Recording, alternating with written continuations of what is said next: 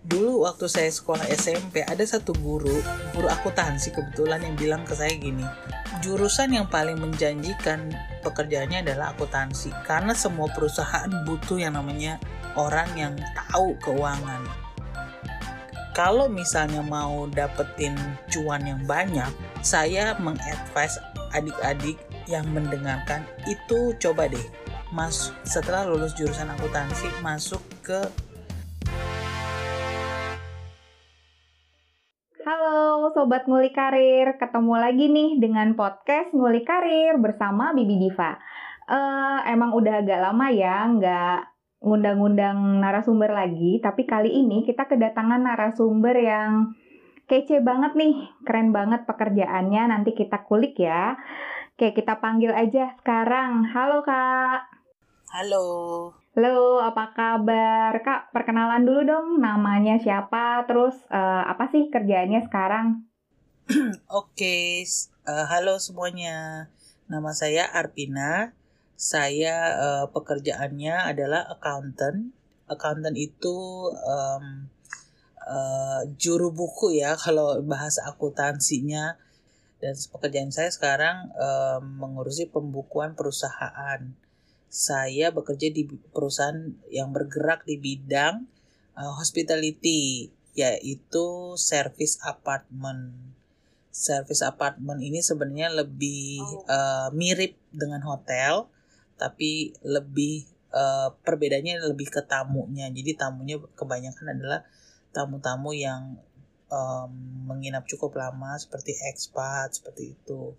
Ada juga tamu harian tapi itu enggak bukan menjadi sasaran tamu lah ya gitu seperti itu Oke, wow, keren banget kan? Oke deh, tadi bilangnya dari apa akuntan ya, pasti latar belakang pendidikannya akuntansi ya? Iya, latar belakang pendidikan akuntansi. Nah, kebetulan akuntansi ini bisa bergerak atau um, bekerja di banyak sektor sih. Dulu saya sempat di uh, di konsultan sebagai auditor Uh, jadi dari akuntansi bisa jadi auditor, lalu bidang lain yang bisa digeluti dari uh, lulusan akuntansi itu biasanya bisa ke finance. Finance itu biasanya ngurusin uang dalam satu perusahaan. Uh, jadi kalau misalnya perusahaannya besar itu dia biasanya dibagi dua tuh antara finance dan accounting. Kalau finance-nya lebih ke uangnya, accounting itu lebih ke pembukuannya. Jadi kalau misalnya ada uang masuk, ada uang keluar yang yang memposting transaksinya adalah bagian accounting. Yang mengeluarkan uangnya bagian finance. Ada juga um, di perusahaan lebih besar lagi itu bisa juga ada namanya treasury. Biasanya itu treasury itu mengurusi pendanaan perusahaan. Tapi biasanya kayak gitu sih banyak uh, apa namanya uh, perusahaannya besar sekali sih sampai kalau sampai ada bagian itu gitu. Bisa juga terjun ke bidang teks gitu. Jadi biasanya um, anak-anak accounting di konsultan tuh bisa ke audit bisa ke teks. Cuma kalau misalnya udah ke teks itu da, misalnya dari lulusan akuntansi langsung kerja di bagian teks itu spesifik tuh seterusnya akan ke teks. Tapi kalau dari lulusan akuntansi terjun ke konsultannya audit itu biasanya bisa milih.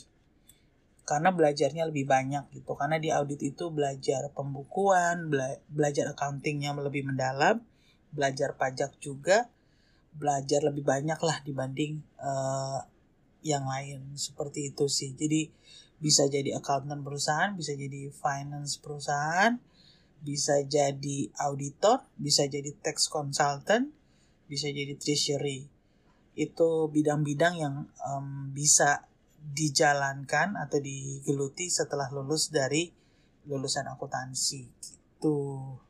Hmm, banyak juga ya cabang-cabangnya untuk jurusan akuntansi. Dulu tuh banyak apa namanya kebayang dulu pas belajar akuntansi kan kayak belajar angka-angka, duit-duit gitu ya. Waduh, apalagi kayak sekarang ngurusin uangnya perusahaan pasti ngejelimet banget ya. Nggak tahu deh kira-kira gimana tuh. Tapi dulu kenapa pilih bidang ini sampai akhirnya sekarang menuju ke pekerjaan ini? Kira-kira kenapa tuh dulu? Kalau lulusan akuntansi, kenapa pilih jurusan itu? Karena menurut saya jurusan itu jurusan yang tidak perlu hafalan, tidak perlu canggih tahu matematika, tidak perlu tahu canggih uh, fisika. Akuntansi itu lebih ke logika, konsep dasar yang harus dimengerti, lalu berkembang dengan banyak uh, case-case. Sebenarnya itu. Jadi kalau misalnya mau pilih jurusan yang gak mau banyak mikir hafalan atau hitung-hitungan, hitung-hitungannya moderat lah. Dalam artian uh, tidak terlalu jelimet, tapi ada hitung-hitungan, hafalan juga lebih ke konsep, itu akuntansi paling tepat. Jadi itu alasan kenapa dulu pilih jurusan akuntansi. Lalu dari akuntan lulus jurusan akuntansi saya pindah, hmm, maksudnya kerja pertama itu ke konsultan, yaitu jadi auditor. Kenapa jadi auditor? Karena dulu waktu saya belajar akuntansi di kuliah, dosen tuh sempat bilang, cerita lah. Dia bilang kalau misalnya kalau mau belajar banyak itu harus terjun ke dunia audit, jangan langsung ke perusahaan. Karena ketika di perusahaan akan belajarnya hal sama dari pertama masuk perusahaan sampai pindah-pindah ke tempat lain dan ternyata benar gitu. Jadi um, ketika saya belajar eh, bukan belajar ya ketika saya lulus kuliah masuk audit saya belajar banyak banget baik soft skill maupun um, skill dalam hal uh, ini ya pengetahuan akuntansi kalau soft skillnya yang saya pelajari adalah how to dealing with people karena saya itu kan ketemu dengan banyak orang harus minta data ke klien itu wah itu harus punya skill sih kalau enggak, enggak akan dikasih datanya. Yang ada dijutekin mulu sama klien gitu loh. Bahkan udah baik aja kita, dulu waktu saya jadi auditor, itu masih dijutekin gitu loh. Tapi kita harus tahan emosi kan. Nah, seperti itulah. Kira-kira soft skill kita tuh um, ter apa ya, terasah, teruji lama-lama belajar mengenal orang. Oh, nih ini orangnya seperti ini, harus ngadepinnya gini dan orang-orang lainnya gitu gitu sih jadi alasannya kenapa ya karena memang pada awalnya dulu banget waktu mau pilih jurusan kuliah menurut saya itu akuntansi itu merupakan jurusan yang paling mudah lah ya untuk dipelajari ya tidak jelimet tapi tidak boring juga gitu dan ya memang terbukti sih seperti yang saya jelasin tadi banyak loh um, apa bidang pekerjaan yang bisa ditekuni setelah lulus dari kuliah gitu. Iya, ya, seru banget ya pekerjaannya pasti ya. Ini udah berapa tahun ya Kak Arpina ya? Lulus kuliah langsung jadi auditor itu 6 tahun 9 bulan. Lalu kira-kira ya udah udah 6 tahun lah sama 6 tahun di bidang accounting. Jadi 6 tahun hmm. itu di bidang perauditan, 6 tahun di bidang accountingnya lah kira-kira seperti itu. Oke oke sampai ke saat uh, apa pekerjaan saat ini pasti udah banyak banget kan pengalamannya Kak Arpina. Boleh dong ceritain kira-kira apa sih suka dukanya untuk uh, profesi di bidangnya Kak Arpina ini sekarang? Oke, kalau sukanya sih um, ya terutama saya jelasin yang sekarang ya karena saya yang terakhir kan jadi accountant. Sukanya pasti kita tahu informasi keuangan perusahaan. Misalnya ada informasi yang orang lain tidak tahu, ya saya tahu gitu kan. Itu sukanya. Lebih ke situ sih. Terus dukanya ya paling banyak lembur ya. Jadi kalau uh, jadi um, tapi lembur kan gak suka ya. nggak nggak suka juga sih terpaksa. Cuma uh, karena gini oh ya ini mungkin ya pengetahuan kali ya mau share buat yang mendengar. Kalau di bidang akuntansi itu orangnya um, dituntut untuk teliti sih gitu. Nah, ketelitian hmm. itu butuh waktu yang lebih. Bisa aja kerja asal asal-asalan, bisa banget. Tapi itu pilihan balik lagi. Kalau mau menghasilkan suatu laporan keuangan yang kualitasnya bagus, ya berarti kita harus spend lebih waktu gitu untuk menghasilkan itu gitu. Jadi um, hal yang harus dimiliki yaitu ketelitian. Makanya kalau misalnya uh, kalau misalnya mau lihat banyak orang accounting atau auditor itu accountant orang auditor itu kebanyakan pasti ya harus detail orangnya harus teliti harus sabar karena mencari misalnya mencari selisih itu harus cari benar-benar cari gitu. Seperti itu sih kira-kira. Itu sebenarnya bikin lemburnya jadi dukanya di bagian lembur sih. Overall Bisa semalaman kali ya ngelihat selisih nol oh yang iya benar gitu benar benar benar saya saya share pengalaman ya dulu saya pernah di em, jadi di perusahaan saya ini ada yang namanya bagian internal audit. Oh iya itu salah satu bidang lagi lulusan Hmm. akuntansi bisa jadi internal audit. Eh, saya PT yang saya handle di di audit oleh internal eh, ada beda 100 perak 100 perak doang. 100 atau 50 perak saya lupa. Dan itu saya harus cari kenapa. Itu sebegitunya Luar gitu. Kalau kita ya ya udah sih 50 perak atau 100 perak gitu kan nggak besar gitu. Enggak kalau internal audit harus tahu kenapa beda dan itu harus dicari se sejelimet itu gitu. Nah ya begitu sih. Makanya kenapa saya bilang kebetulan angka yang ditanyakan itu adalah eh penda angka yang waktu itu dihandle oleh pendahulu saya. Jadi orangnya sudah resign gitu. Jadi saya harus mencari angka yang orang lain kerjakan gitu. Seru kan? Agak sedih sih ya. Seru banget. Kayaknya keuangan rumah tangga nggak segitunya dia nyari 100 perak itulah. Ya udah kepake kali beli apa. nah itu 100 perak kan ya udahlah kita beli di Indomaret. Ya udah nggak ada kembalian 100 perak kita bilang ya udah gitu kan. Kalau di tempat saya nggak bisa. Kalau misalnya saya waktu itu tidak ca tidak dapat ya alasan itu 50 perak atau 100 perak beda itu bisa berpengaruh ke laporan internal audit atas PT yang saya handle gitu. Makanya itu tadi saya bilang um, pekerjaan saya itu dituntut untuk um, teliti sabar. Karena kalau enggak itu cuma menambah masalah di masa yang akan datang gitu loh. Tapi ketika semua masalah disettle sekarang masa yang akan datang tidak akan ada masalah gitu. Itu sih suka dan dukanya. Oh iya Kak tadi belum sempet ya eh, dijelasin. Jadi yang sebenarnya dilakukan eh, oleh seorang akuntan itu selain tadi Kak Arpina bilang apa ya laporan keuangan ya, kayak gitu ya. Itu apalagi sih Kak yang dikerjakan sebenarnya? Oh, day to day activity-nya sih paling ya memposting memposting jurnal gitu. Terus habis itu eh, kalau saya di sini nih di untuk di bagian yang lain adalah eh, terima invoice dari vendor, verifikasi seperti itu sih biasanya. Verifikasi-verifikasi. Nah, bagian saya kebetulan saya juga mereview beberapa dokumen kayak dokumen pajak, dokumen eh, kalau misalnya ada yang mau pembelian pakai petty cash, petty cash itu cash yang dipegang oleh kasir ya, gitu. Jadi tidak perlu melakukan transfer transfer biasanya buat transaksi kecil sih, yang di bawah 500 di bawah 3 juta kalau di company saya peraturannya gitu. Itu sih day to day activity-nya lebih ke oh ya, memaintain dokumen juga part of pekerjaan saya.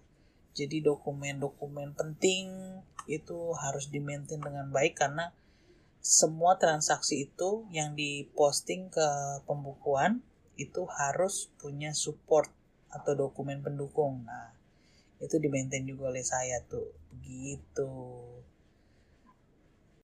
Jadi kebayang ya emang harus telitinya tuh duit perusahaan, Bo. Karena gini ya, kalau misalnya hmm, siapa pun lah, siapa pun orang di luar departemen saya, misalnya mau tahu berapa sih pendapatan kita bulan ini. Nah, yang ditanya saya, kalau misalnya kita saya tidak teliti, saya tidak sabar mengerjakan pekerjaan, saya bisa menghasilkan informasi yang salah gitu loh. Misalnya harusnya perusahaan laporannya bagus gitu kan, tapi karena saya males, jadi akhirnya kelihatannya jelek. Seperti itu sih gitu. Jadi memang kalau mau bekerja di bidang ini harus sabar-sabar kali ya. Sabar-sabar liatin angka gitu kan. Tapi nggak pusing tuh ngelihat angka terus. Enggak sih, biasa aja ya. Biasa aja beneran. Cuma ya memang itu, memang kalau saya nah itu jeleknya sih. Kalau udah kerja aduh udah deh males ngapa-ngapain gitu. Kayak even pergi ke toilet nanti dulu deh nanti dulu nanggung nanggung. Nah itu jeleknya sih gitu loh. Jangan ditiru ya guys. Kayak gitu. ya ya ya. Berarti kalau misalnya itu tadi suka dukanya Kak Arpina, kalau tantangannya itu apa Kak dalam pekerjaan ini? Oke, kalau tantangannya gini, um, saya itu untuk menghasilkan sebuah laporan keuangan harus uh, kerjasama dengan banyak pihak. Dari pihak misalnya HR, kebetulan di perusahaan saya untuk ngitung gaji ada orang lain, which is bagian itu adalah HR atau HRD.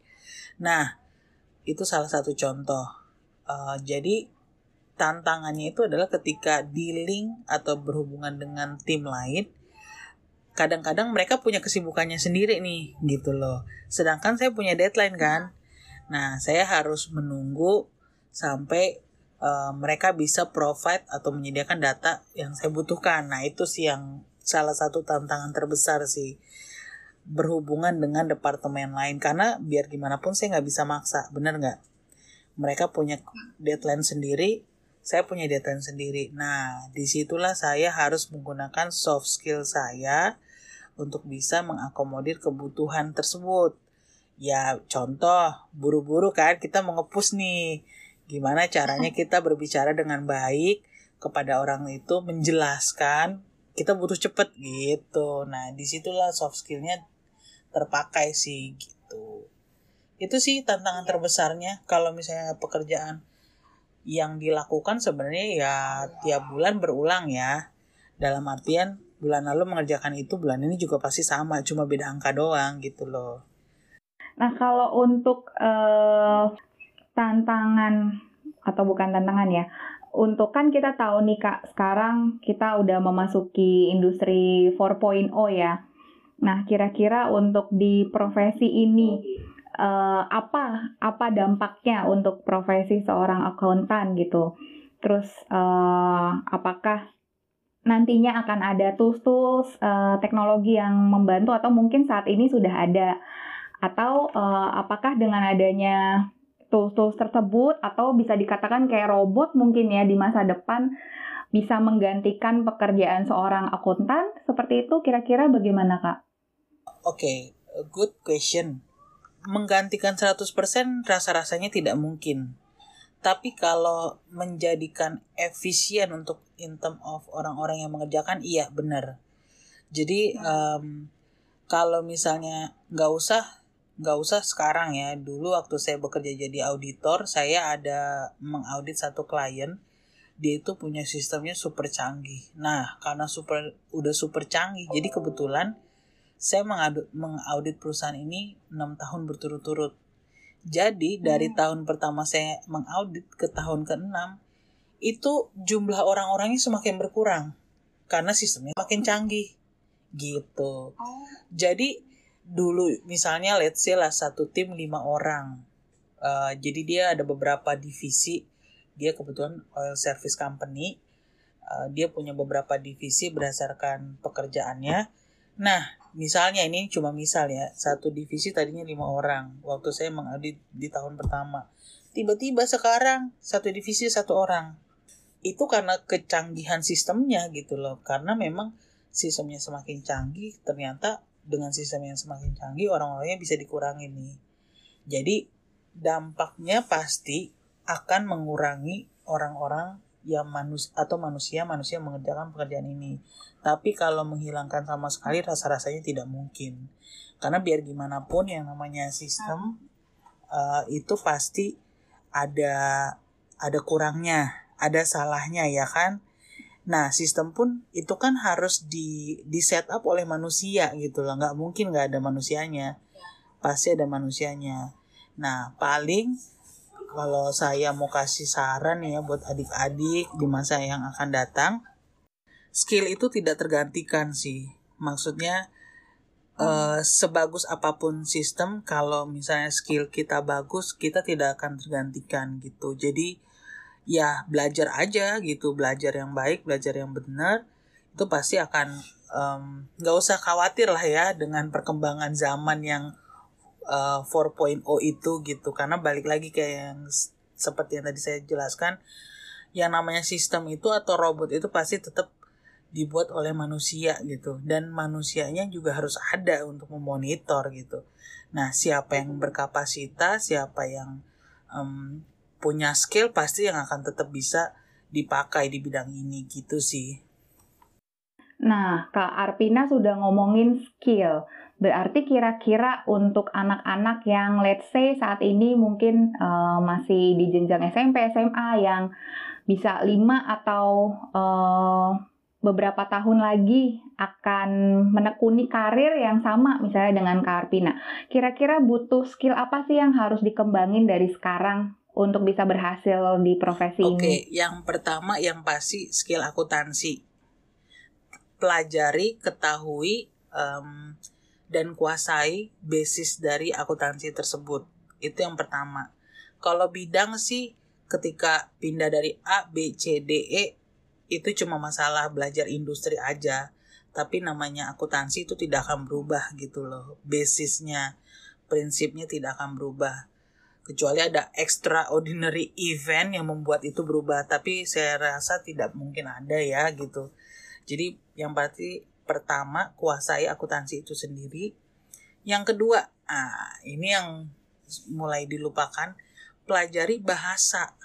Karena bahasanya itu bukan bahasa Indonesia ya. bahasa Inggris atau bahasa asing lainnya. Karena sekarang itu kebutuhan untuk kita bisa berbahasa Inggris sangat tinggi. Bahkan untuk di level first entry. Karena biasanya sepengalaman saya kalau multinational company bos-bosnya pasti ada bos di luar orang Indo bukan orang Indonesia. Jadi um, untuk mengakomodir supaya bisa berkomunikasi minimal ditanya, Hai kamu siapa? Masa nggak tahu gitu kan? Untuk first e, first entry biasanya minimal bisa ditanya bisa menjawab pertanyaan lah gitu jangan sampai kamu siapa uh, oke okay, oke. Okay, yes yes. Jawabannya jangan sampai seperti itu gitu loh. Tapi uh, minimal pertanyaan-pertanyaan mendasar bisa tahu. Kalau misalnya punya kemampuan bahasa itu udah pasti jadi nilai plus lah gitu loh. Walaupun misalnya harus belajar lagi gitu. Dan gimana caranya supaya bisa atau mampu berbahasa itu ya minimal pede sih. Karena kebanyakan oh ya saya saya sudah cukup banyak yang menginterview uh, kandidat untuk bekerja di perusahaan saya. Di perusahaan tempat saya bekerja maksudnya. Dan rata-rata yang jadi yang jadi masalah ya bahasa sih. Dan rata-rata banyak juga yang saya tolak cuma karena tidak bisa gitu. Karena itu tadi karena bos saya bukan orang Indonesia gitu loh. Nanti kalau dia ditanya gimana? Gitu. Itu sih.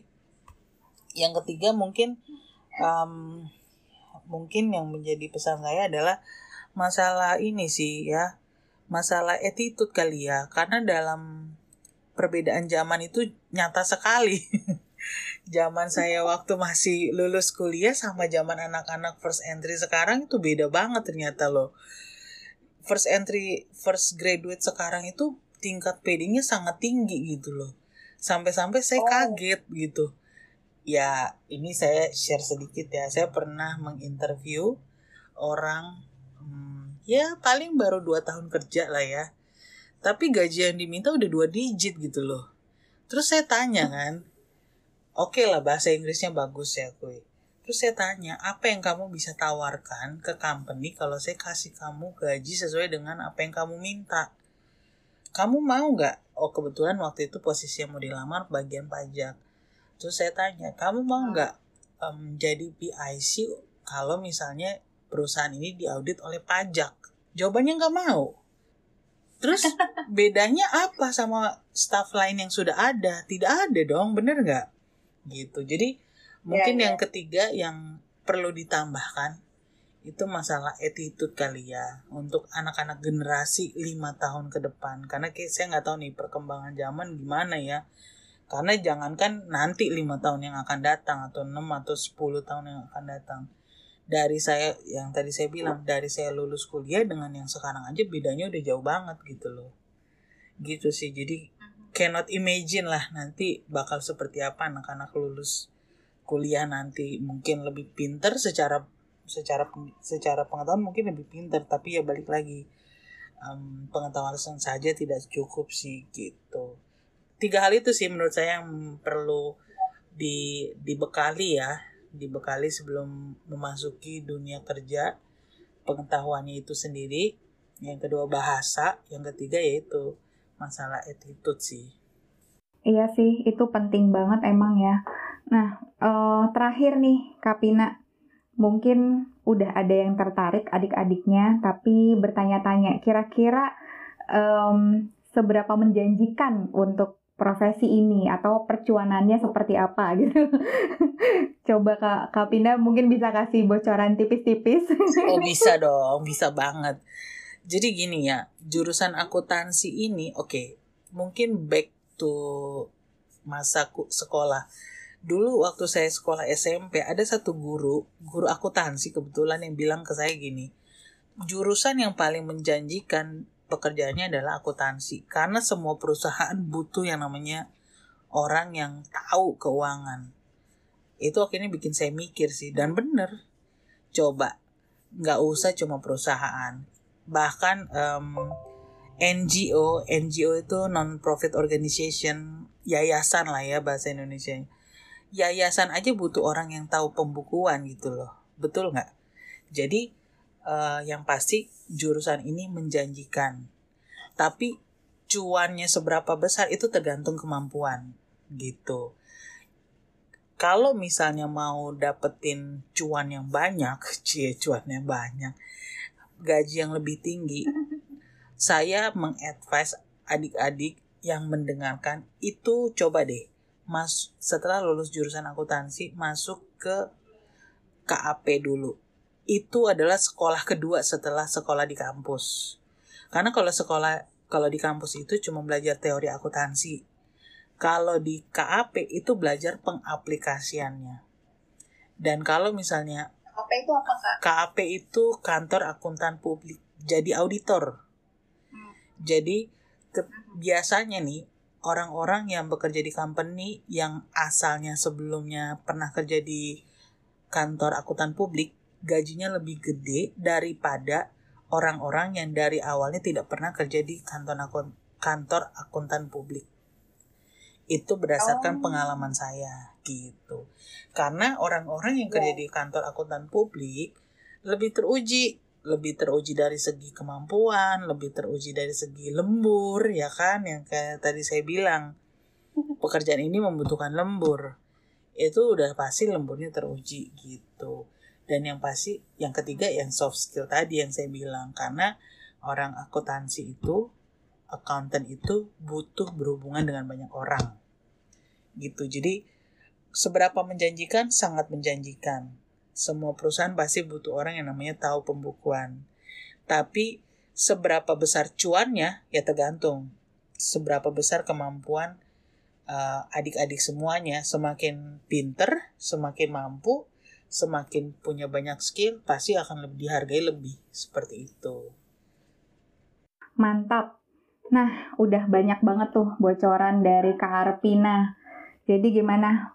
Banyak yang tertarik nggak nih Moga-moga bisa ngasih insight ya ke kalian pendengar podcast ngulik karir. Kalau misalnya tertarik, silahkan cari kulik lebih banyak informasi mengenai profesi ini. Oke, makasih banyak nih Kak Arpina. Udah banyak banget yang sudah dibagikan, sudah di-share. Mudah-mudahan ini bermanfaat. Dan sukses selalu ya buat Kak Arpina ya dalam pekerjaannya.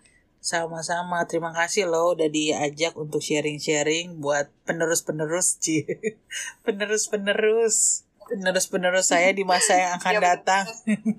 Calon-calon akuntan. Oke, Karpina, terima ya. kasih. Sampai jumpa lagi. Bye-bye. Thank you. Bye-bye.